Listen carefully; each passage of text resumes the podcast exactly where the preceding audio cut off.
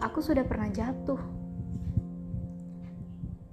Lalu bangkit, seolah tak pernah.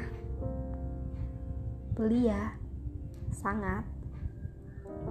Namun, kini aku lebih payah dengan selalu menghindarimu,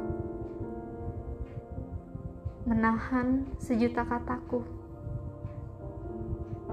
mengalihkan mata darimu. Entah kedewasaanku menurun, entah jatuhnya dulu tak begitu, atau kau memang seberpengaruh itu. 11 Oktober 2020